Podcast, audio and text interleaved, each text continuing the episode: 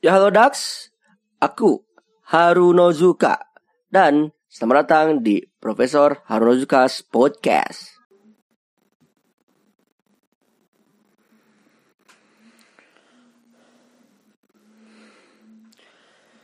Ya halo Dax, kembali lagi bersama aku Harunozuka Seorang halo tingkat tinggi yang mengklaim dirinya sebagai Profesor Sosiobiologi Kali ini di akhir tahun 2019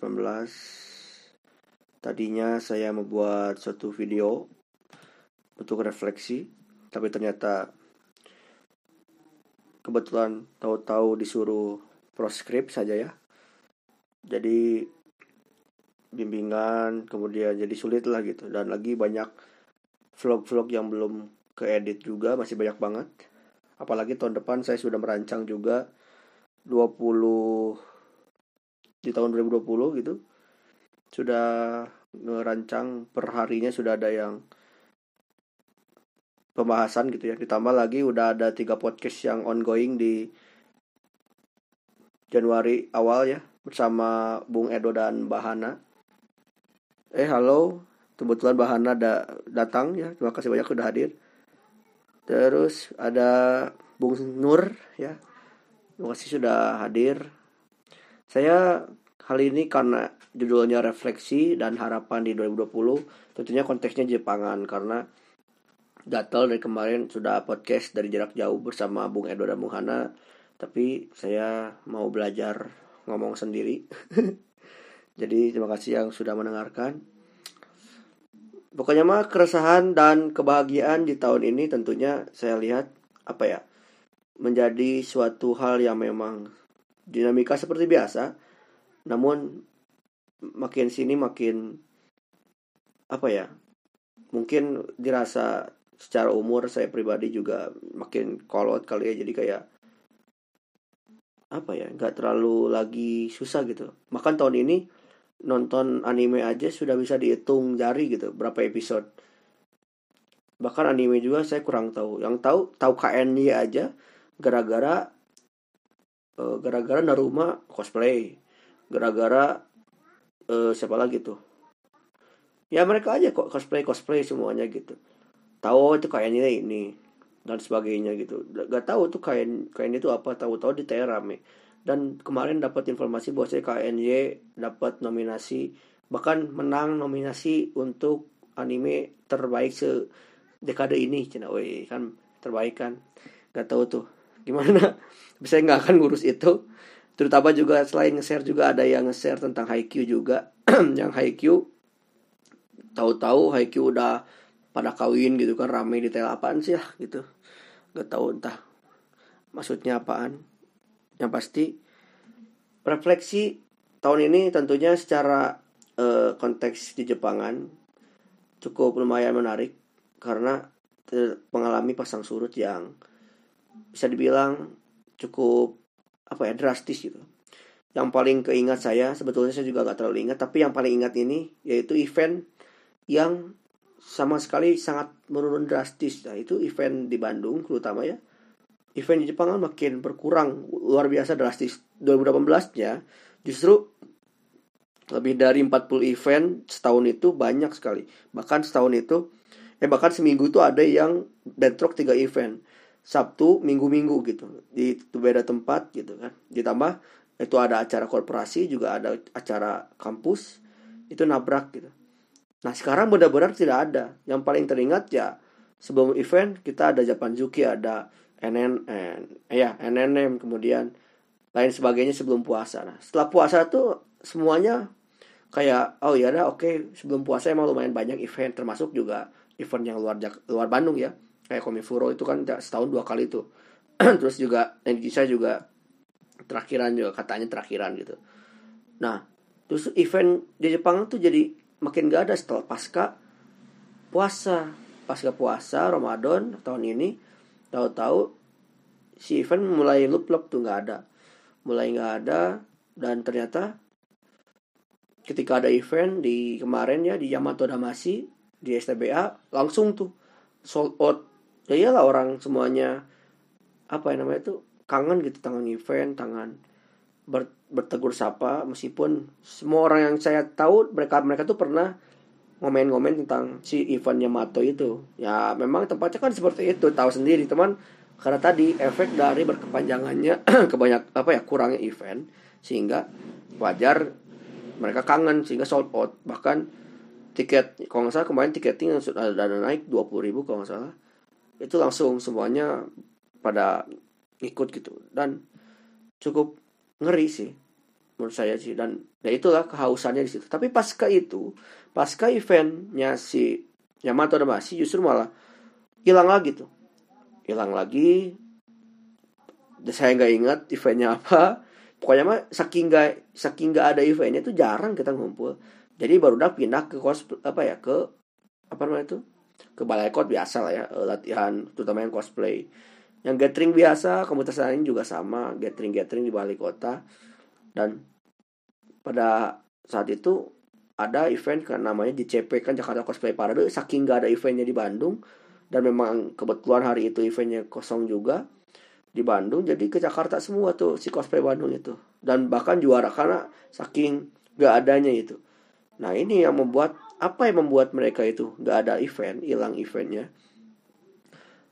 Ya tadi salah satu faktornya memang dari program kerja yang mana program kerja ini kan dikelola oleh dikelola dan dibuat oleh si IO IO ini kan siapa aja? Nah rata-rata kan event Jepangan tuh selain korporasi kan dari kampus mau kampus SMA maupun kampus yang kuliahan. Nah kampus kuliahan itu berkurang juga gitu apalagi yang SMA tiga kampus yang biasanya mereka tiap tahun ada tuh ini malah hilang nggak ada sama sekali. Gitu loh. Itu yang membuat PR gitu. Bahwasanya apa yang membuat terjadinya mereka gitu. Yang saya ketahui sih memang sedang secara umum ya memang sedang ya puncak-puncaknya kejenuhan kali ya. Jenuh atas dasar tahun lalunya jenuh. Gak ada SDM yang berkelanjutan untuk mengelola si JC itu sendiri gitu Jepangnya maupun kuliahannya. Saya pernah dengar itu tapi nggak semua kan tapi itu mempengaruhi juga. Tapi memang ada juga event yang memang sekolahnya dua, dua tahun sekali jadi wajar lah untuk nggak ada juga. Tapi ada beberapa yang memang terhambat oleh regulasi gara-gara gantinya kepala sekolah ganti kebijakan. Ganti lagi usaha perizinannya gitu. Jadi proposalnya juga kan bakal wajar lah gitu sehingga sulit lagi dan diundur tahun depan nah seperti itu. Jadi event pun bahkan nggak ada gitu. Jadi nggak kerasa ada event atau enggak dan lagi ketika Desember ya saya juga kan short memorinya rada lupaan. Yang saya ingat ya tadi Desember ya bulan ini ada dua event yang bertemakan uh, apa ya multi multi fandom lah anggap gitu. Jadi ada dua event yang memang satu di Cikapundung River Sport yang satu lagi di Braga. Untuk yang Cikapundung River Sport ya ada tiga hari. Tiga hari Jumatnya saya kurang tahu tapi Sabtunya itu khusus Koreaan gitu K-pop. Yang minggunya itu Jepangan. Nah si event ini kan seminggu jadi berbeda hari beda segmen gak masalah. Jadi kayak oke okay deh kemarin saya nggak ketemu sama anak K-pop atau enggak besok saya nggak akan ketemu anak Jepangan. Jadi kayak masih ada gitu. Jadi masih terpisah lah mungkin ada pandangan seperti itu. Tapi pas yang beragam minggu depannya lagi itu kan sehari itu langsung dijebredin tuh dijebret dari pagi di Jepangan nyanyi dulu cover sing langsung cosplay kalau nggak salah langsung dance cover gitu. Kembali kayak dance cover cosplay baru yang idol yang uh, guest star dari Jepang lalu ke K-popnya sampai malam gitu. Nah itu sebetulnya nah itu fenomena yang menarik yang ini jadi spoiler pembahasan dengan Bung Edo bahwasanya ya tadi fenomena hibridisasi yang tahun ini malah jadi apa ya namanya itu uh, ter, ter teramnesti atau terampuni atau termaklumi karena ya itu kangen event gak ada sama sekali event. Jadi para wota pun dia datang atas dasar ya tadi eventnya ah bayarin lah uh, event gabung sama K-pop yang penting saya kangen kangen Luska kangen apa gitu. Nah itu kan banyak apa ya banyak sekali alasannya gitu. Nah salah satunya tadi gitu sampai yang hibrida ini event ini dulu mas saya ingat 2015 2016 itu dulu sama sekali nggak mau ada penggabungan event event antara K-pop sama J-pop tuh nggak mau dia sampai-sampai karena ya tadi ada satu event yang membuat uh, penggabungan event itu ya sebagai uh, apa ya uji coba dan memang menjadi suatu inovasi yang terbaru. Kenapa? Karena ya ini fandom 2 ini cukup kuat di masyarakat, marketnya juga jelas ada untuk market want-nya, market keinginannya kuat sehingga dibuat event dan wajar ketika uh, eventnya digabungkan. Dan ternyata ya tadi eventnya mungkin uh, terbilang uh, tidak berhasil gitu ya sehingga membuat event itu jadi mempengaruhi si para anggota event-event itu sendiri apa yang pengunjung event itu sendiri gitu. Di situlah ya tapi Desember ini ya kemarin yang di Braga itu justru jadi harmoni gitu karena semuanya pada duduk di lantai. Ya seperti biasa emang pengunjung K-pop emang pada duduk di lantai gitu dan sebetulnya santai-santai saja gitu. Yang mana masalahnya tuh eh dulu memang benar-benar nggak mau dibahas tuh si gak mau bareng lah gitu. Nggak mau sampai-sampai kasarnya tuh nggak mau seatmosfer sama anak ini sama itu. Jadi dulu mah bermasalah sekarang malah harmoni gitu. Karena saya lihat memang orangnya orang-orang pelakunya juga yang dulu kritik itu sekarang memang udah berubah jadi K-popper itu sendiri. Jadi ya apa ya jadi kenapa gitu sampai anda itu dulu sampai uh, maki-maki sampai-sampai memisu-misu gitu ya menistakan tapi sekarang jadi ngefansnya itu. Nah kalau saya sih emang dari dulu juga saya mau warnet saya juga main ayo dance saya tahu K-pop dari dulu cuman gak, bukan belum terjun aja. Terjun gara-gara jadi CEO doang gitu loh. Kalau jadi saya emang nggak masalah. Yang masalah itu ya udah moderat lah gitu. Yang lain mah memasalahkan. Dulu dari 14 15 16 lah itu puncaknya. Mulai-mulai baru deh ada ada tim dari Jepangan yang turun ke Koreaan. Koreaan juga ke Jepangan.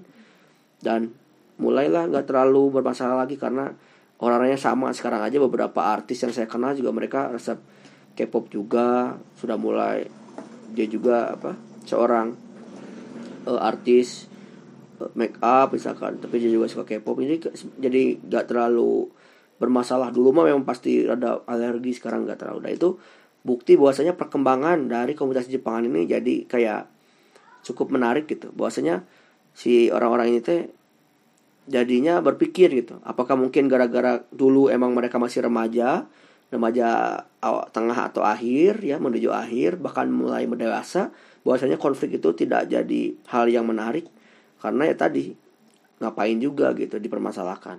Tapi tetap ada aja orang-orang yang memang yang transisi mau dewasa ini tetap kegaduhan-kegaduhan ada itu. Yang sampai-sampai saya buat statement dari Juni kalau nggak salah bahwasanya memang sektor cosplay itu kalau nggak drama itu bukan cosplay sampai segitunya karena valid terlalu valid sebulan tuh pasti ada yang rame gitu terutama yang daerah seksualitas gitu pembahasannya. Nah kemarin juga udah bahas lagi gitu.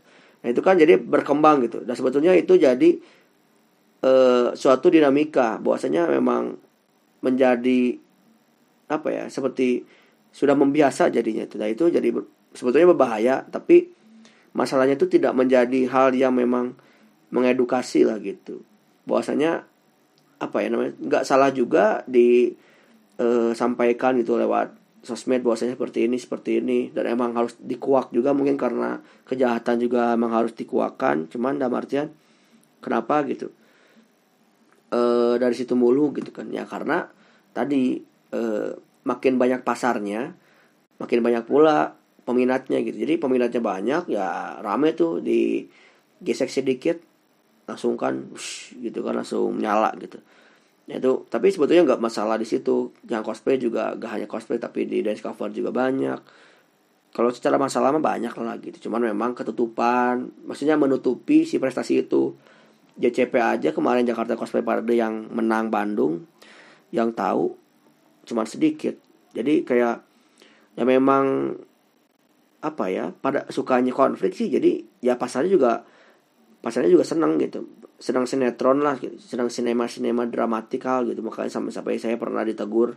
Gak ditegur sih kayak mending e, istilah drama ganti deh sama konflik karena drama jadinya jelek. Emang jelek dari dulu juga namanya jadi jelek. Mengalami peoratif mengalami peorasi gitu ya. Mengalami penurunan makna karena dipakai ya banyak drama. Emang benar-benar banyak tingkah lah gitu. Sehingga akhirnya drama itu kepake dan sampai saat inilah dipakai gitu jadi penuh dengan pasang surut lah. Jadi prestasinya naik juga. Tapi juga si apa ya dosa-dosanya juga mantep aja gitu. Dan itu juga sedang ditangkal atau sedang dikelolakan yang oleh BPAWI ya dan sering dibahas juga mereka. Bahwasanya fenomena-fenomenanya memang sudah katanya sih BPAWI sudah mulai apa ya menyadari bahwasanya sudah tidak lagi untuk uh, mulai mulai support lah gitu support terhadap orang-orang yang memang butuh bantuan gitu. Itu BPAW dan itu kan bagus. Dan lain juga semoga para individu-individunya ya tadi mulai sadar gitu. Bahwasanya yang dewasa itu mewadahi yang juniornya junior juga mau di ayomi oleh seniornya gitu. Nah pada tahun ini memang sangat pasang surut sekali. Dan aktivisnya juga mengalami uh, apa ya karyanya tuh pasang surut gitu ya. Dan pasang surut di sini lebih kepada sebagian aktivis dan komunitasnya mengalami pencapaian yang cenderung aktif dengan prestasi yang mentereng. Sebagiannya lagi mengalami lesunya aktivitas di masing-masing dan minat dan hobinya. Namun secara umum di Jepangan khususnya di Bandung terasa lesu. Nah lesunya tadi si eventnya hilang. Kemudian juga minatnya makin gak ada. Kekeh Bung Bosun memang inginnya uh, apa ada pengganti gitu bahwasanya. Ada yang lanjutin cosplay performer cuman ya gitu teh ya ya banyak malah pindahnya ke modelingnya ya. Silakan saya udah punya, udah kasih tips enam bulan yang lalu pada saat dia udah jadi menjabat sebagai ketua kosban bahwasanya sok begini caranya saran saya seperti ini ya sudah gimana lagi menyesuaikan aja itu mah nah tadi saya sedikit refleksi nah tadi saya nyinggung Bandung itu lesu. Lesunya di mana? Nah, tadi sudah disinggung bahwasanya hilangnya beberapa event di Jepangan di sektor kampus, sekolah maupun korporasi pasca bulan Ramadan 2019 dibanding tahun sebelumnya yang bahkan padat, sesak dan bentrok bertabrakan jadwal eventnya tadi. Justru di situ eh, apa ya? Tahun ini memang terasa lesu gitu. Event-eventnya pada ke mana gitu, jarang banget sehingga berodak kangen lah gitu. Sampai-sampai ya Matoda masih aja diembat luar biasa gitu. Sebetulnya itu bagus juga cuman itu ada faktor lain. Bosnya tadi eventnya jarang gitu. Yang kedua lebih cepat viralnya informasi drama daripada prestasi sehingga energinya terkuras lebih fokus pada restorasi drama daripada eskalasi prestasi. Nah itu. Restorasi drama jadi kayak ada sedikit drama misalkan tentang apa kayak yang punya kebanyakan sih ya tadi ramainya misalkan tentang selangkangan lagi selangkangan lagi. Kemudian juga tentang kemarin tuh oh ya paling ya kayak KNY kemarin juga konflik lagi. Yang sektor anime eh, anime manga juga sama yang si apa Tanaka Kyoko gitu kan rame juga gitu kan. Jadi si prestasinya itu jarang gitu. Tapi emang mungkin emang harusnya kayak gitu sih. Karena berbeda pendapat ya banyak pandangan sehingga wajar untuk banyak ya banyak drama-drama nggak tahu apakah harus diwajarkan atau enggak tapi setidaknya meskipun dramanya ada wae tapi tetap harus lebih produktif aja gitu. Nah ini mulai nih. Tadi dua emang sudah duluan di intro udah kebahas juga panjang lebar ya sebentar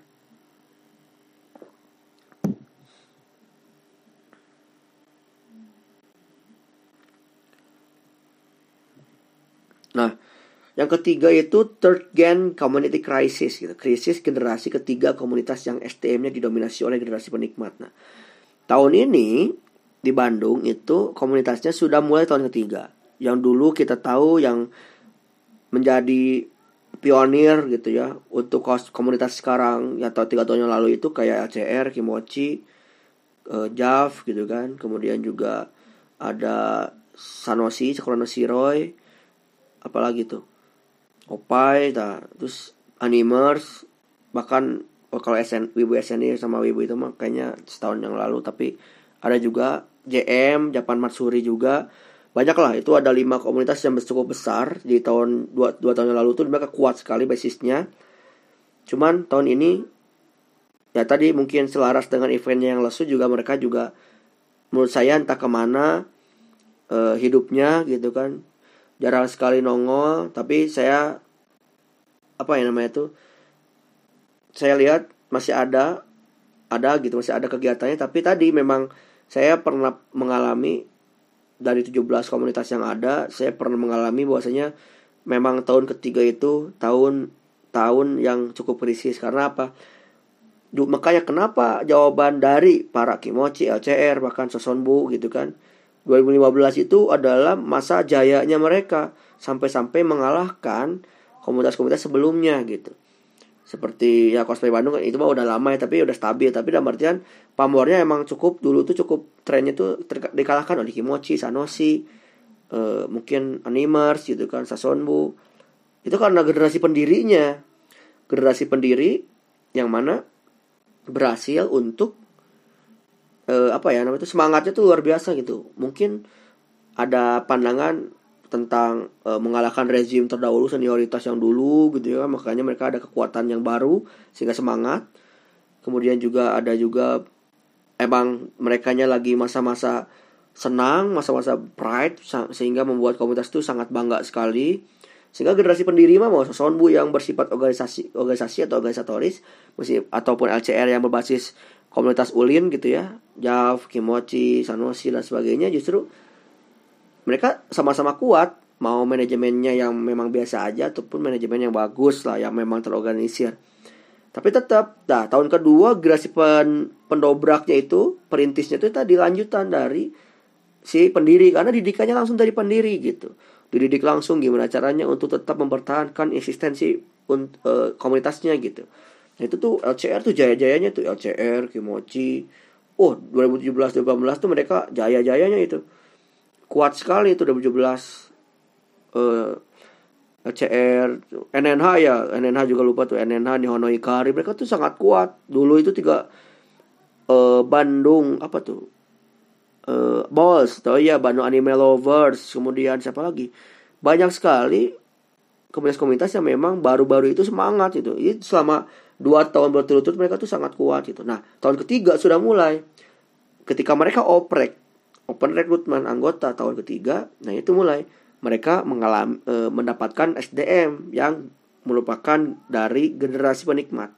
Generasi penikmat inilah yang membuat tadi rada si pendirinya udah mulai tua, si pendirinya udah mulai tua, si pendirinya juga sudah mulai eh tadi remaja akhirnya tuh mau habis ke dewasa sehingga ingin pindah gitu ya ingin kerja, ingin lulus apa gimana, pendirinya tuh perintisnya juga masih ingin dibimbing sama pendirinya. Nah, sedangkan penikmatnya sudah mulai datang. Nah, mulai itu konflik manajemennya rada kurang. Saya yakin tahun satu tahun dua juga mereka banyak konflik.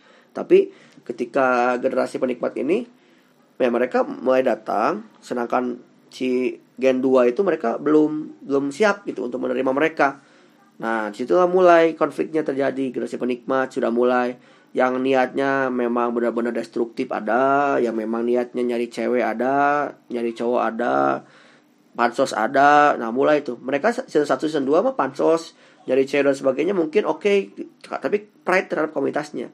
Nah, masalahnya gen 3 ini mulai nggak mau diurus sama gen 1, gen satunya juga males juga udah mulai males karena tadi kan bersifat relasi. Kalau untuk saya bu sebagai komunitas organisasi, mereka tuh tetap bisa bertahan karena apa? Karena tadi bertahan gitu, sudah mulai bertahan gitu kan. Gen 4 yang 5 nya tuh ya tahun ketiga itu memang mereka udah manajemennya udah mulai kuat di sana. Nah, masalahnya komunitas-komunitas ini kan jarang banget untuk punya skill manajemen. Nah, manajemen itu fokus di ketuanya saja, jarang pindah ke yang lain gitu. Makanya biasanya di one man show gitu. Satu orang tuh jadi orangnya tuh star gitu. Itu pusatnya. Dia nggak ada udah gitu.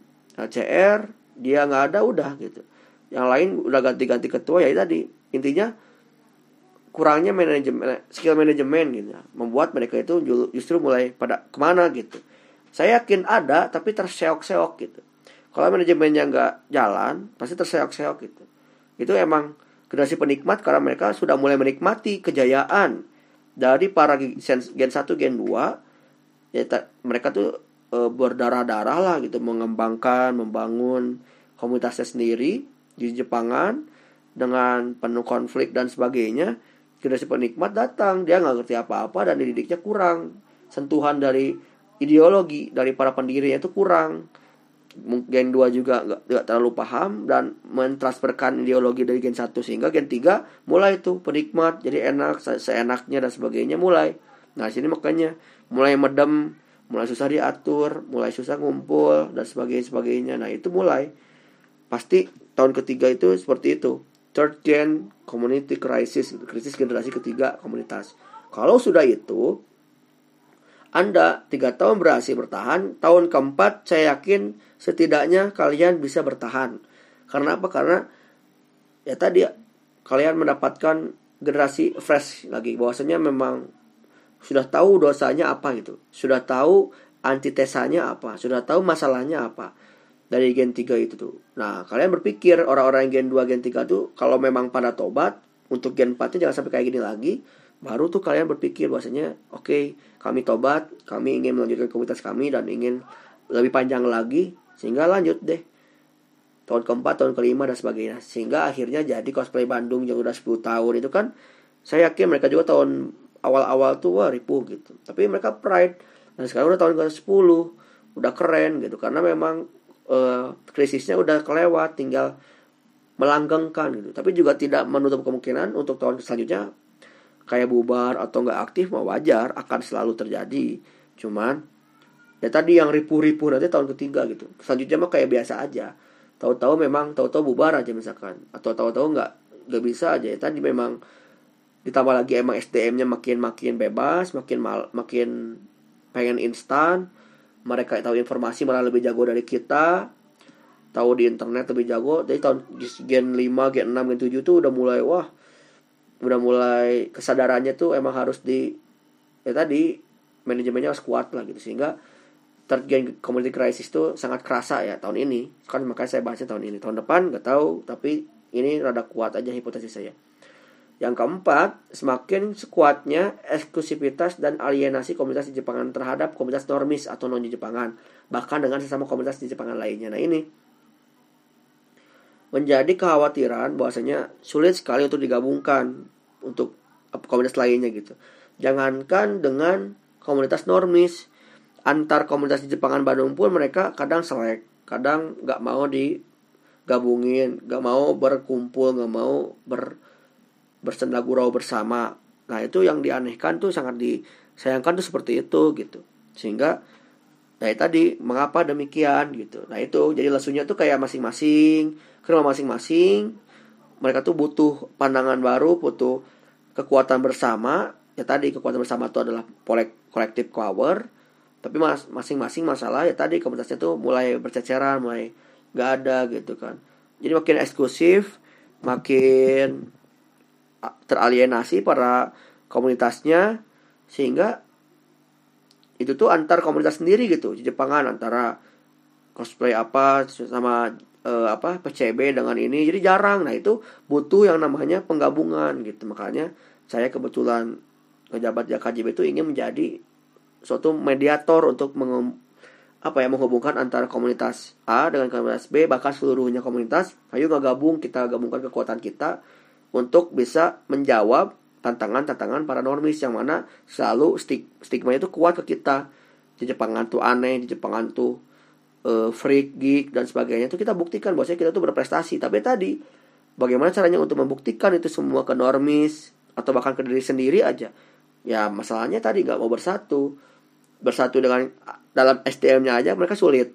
Terus antara komunitas dengan komunitas lain juga sulit. Apalagi dengan komunitas lain yang menjepangan normis. Nah itu juga makin mempengaruhi apa ya namanya tuh keresahan-keresahan yang ada gitu loh. Jadi ini yang membuat lesunya komunitas di Jepangan Bandung. Menurut saya empat poin tadi hilangnya beberapa event tahun ini, yang kedua lebih cepat viralnya informasi drama daripada prestasinya, yang ketiga third gen community crisis, krisis generasi ketiga komunitas, yang keempat itu semakin kuatnya eksklusivitas dan alienasi komunitas di Jepangan. Sehingga begitulah refleksi yang memang kita harus apa ya pikirkan bahwa ke depannya bagaimana Jepangan itu bisa lebih baik lagi di tahun baru tahun 2020. Nah, kenapa sih tahun 2020 itu sebagai nah sebagai momentum bahwasanya ya tadi tahun ini sudah mulai terlihat awal tahun kalau nggak salah Januari atau Februari ada Uyen Matsuri sudah mulai uh, launching tuh, sudah mulai informasi launching. Widya Tama juga Februari udah mulai.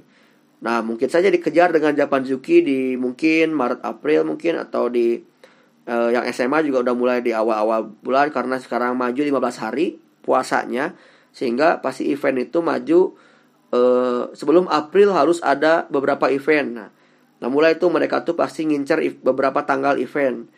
Nah, terutama tadi udah ada UIN, udah ada Widya Tama, kemudian ya SMA mungkin beberapa yang saya tahu. Nah, yang pasti April itu uh, di Clash. Clash itu April ya, coming soon. Mungkin dia sebelum puasa udah disiapin karena April tuh sudah mulai puasa mulai full tuh. Nah, itu mulai event itu tuh udah mulai gitu. Mungkin Komifuro di Februari kalau nggak salah tuh dua-dua gitu lupa.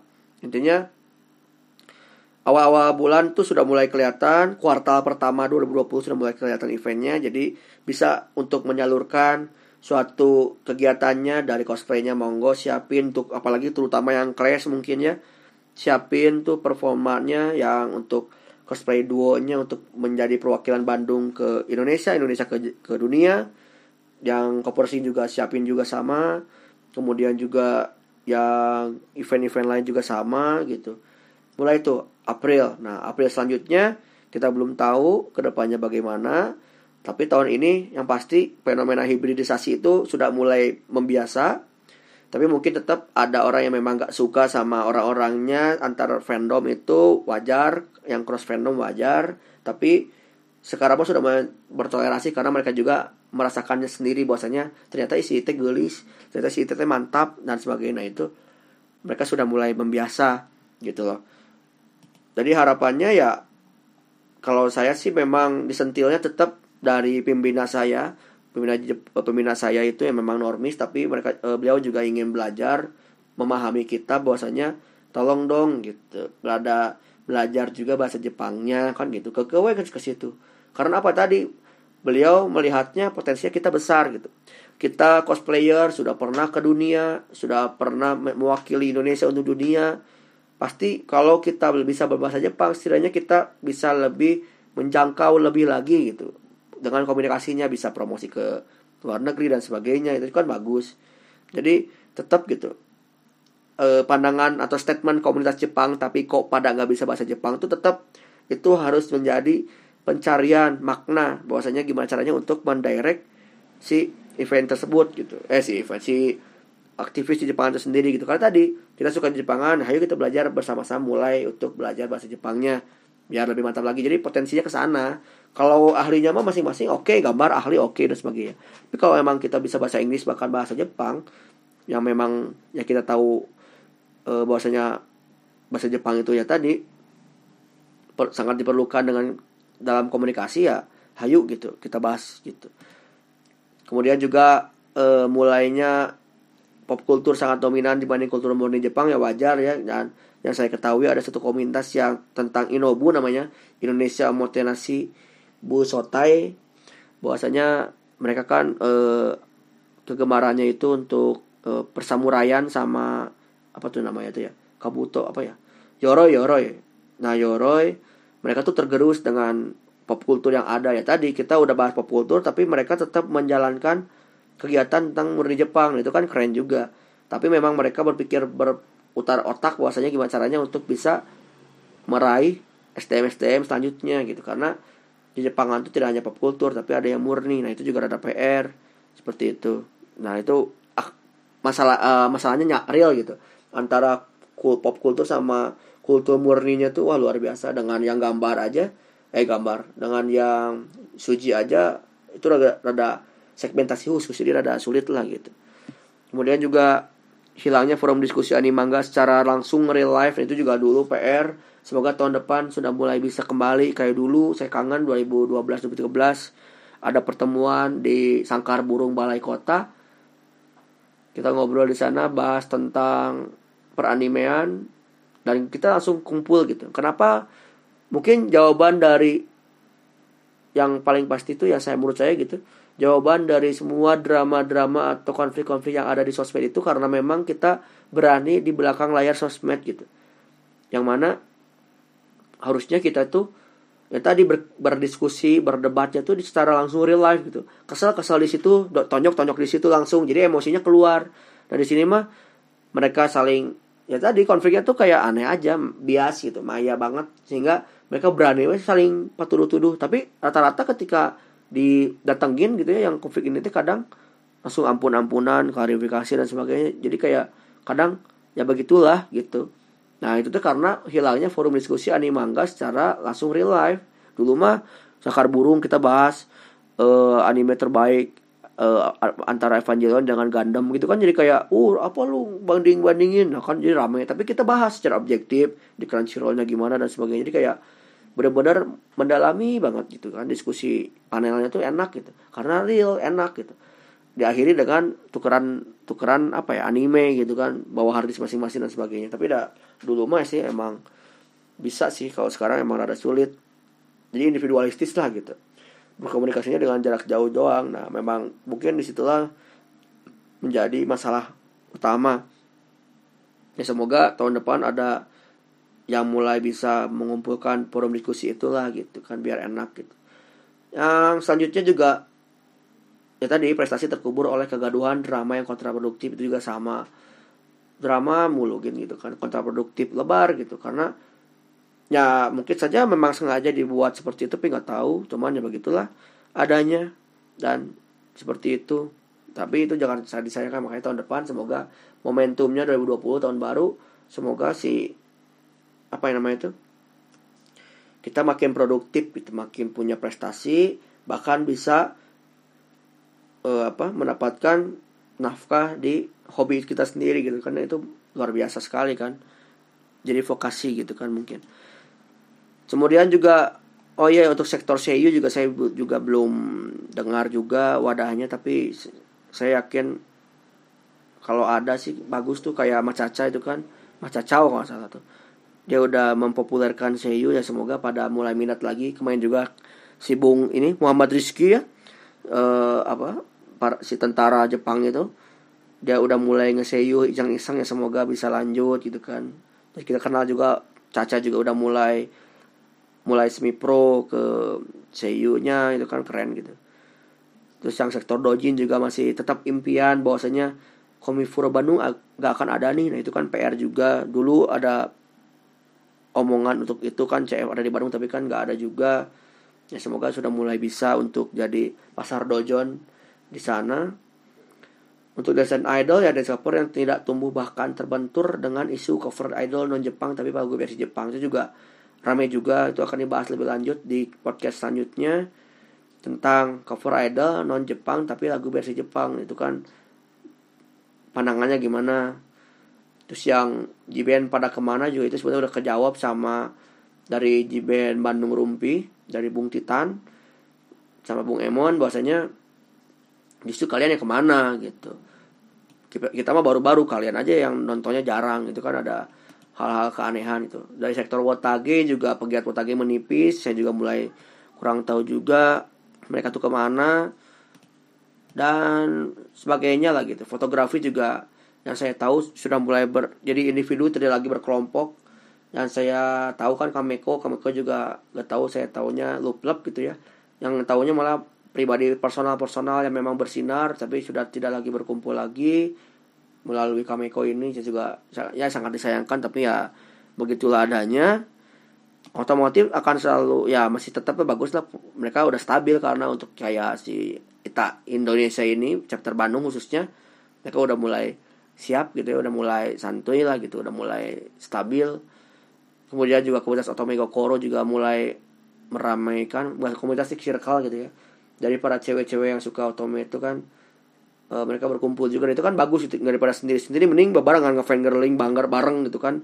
Gelut gelut jadinya kene gitu. Para buat bias tuh enak gitu. Gelut ke sekalian itu kan enak gitu. Karena ya tadi mereka tuh sangat solid karena saling berkumpul gitu.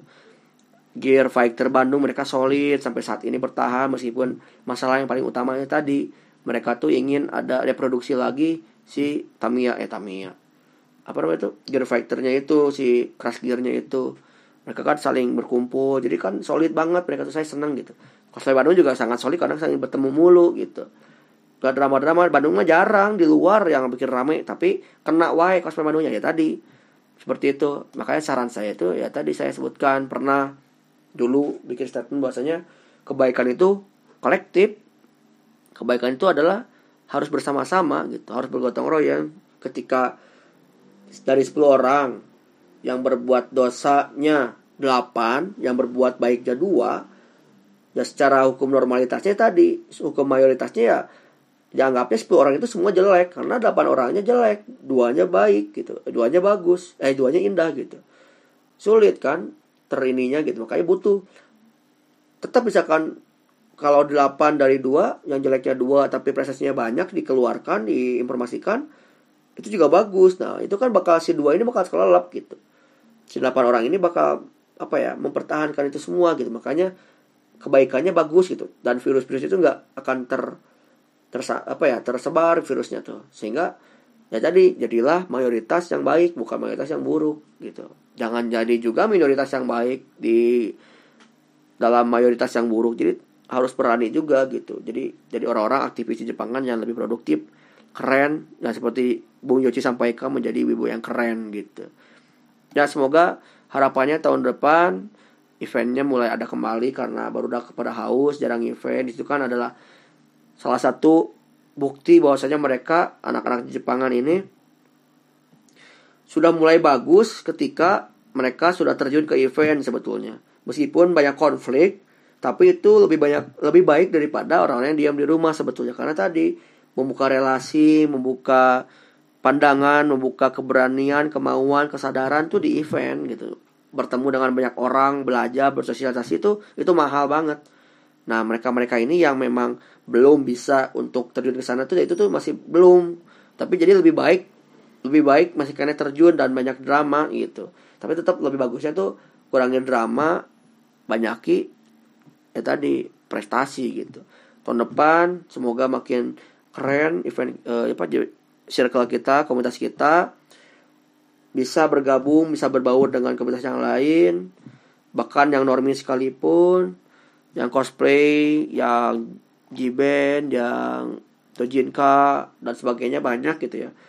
Semoga juga viralnya kita lebih cepat yang prestasi daripada yang drama-drama konflik-konflik gitu kan. Ditambah juga semoga para komunitas yang mengalami third gen community crisis juga bisa bertahan dan bisa melanjutkan kehidupannya di tahun keempat dan seterusnya agar menjadi komunitas senior yang bisa membimbing komunitas baru yang nantinya. 2020 saya prediksikan komunitas baru bakal banyak pemunculan. Karena apa? Karena tahun 2016 juga mereka 15 15 tuh mereka banyak banget komunitas yang baru dan itu akan bakal terjadi lagi di tahun 2020 dan seterusnya. Yaitu tiap pasti event apa komunitas itu bakal banyak gitu. Dari kecil-kecil mulai kuat lagi turun lagi. Ya yang penting manajemennya kuat dan tentunya bisa ya tadi yang paling dikuatkan tuh hayu orang belajar bahasa Jepang bersama-sama gitu. Meskipun saya juga masih PR banget tapi saya juga belajar dikit-dikit lah gitu. Dengan menonton kebetulan dikasih racun sama Bu Hana. Ya itu kan langsung raw gitu kan. Apa itu tulisannya? Apa? Kanjinya apa? gitu. Nah di situlah kita semoga makin kuat lagi makin solid. Ayo kita barengan bangun di Jepangan ini lebih keren lagi, lebih produktif lagi, lebih prestasi lagi, dan menjadikan diri kita menjadi insan-insan yang bermakna bagi sesama manusia gitu ya. Amin. Mungkin sekian saja podcast kali ini. Terima kasih banyak telah mendengarkan. Meskipun nggak ada Gak masalah yang penting saya pengen ngomong gitu kan lebih uh, tercurahkan gitu kan dan kalian juga kalau mau konsul ke saya bebas. Sebetulnya mah ngobrol bang langsung juga boleh. Tapi mungkin tahun depan rada sulit karena semester 8 saya mulai proskrip saya mulai skripsi PPL jadi rada sulit. Tapi kita tetap bisa ngonten bareng. Hayu ngobrol bareng hayu masih bisa ya kita usahakan kita jadwalkan gitu ya. Oke terima kasih banyak. Selamat tahun baru 2020 semoga tahun depan makin keren. Saya pamit saya Haruna juga salam ibu keren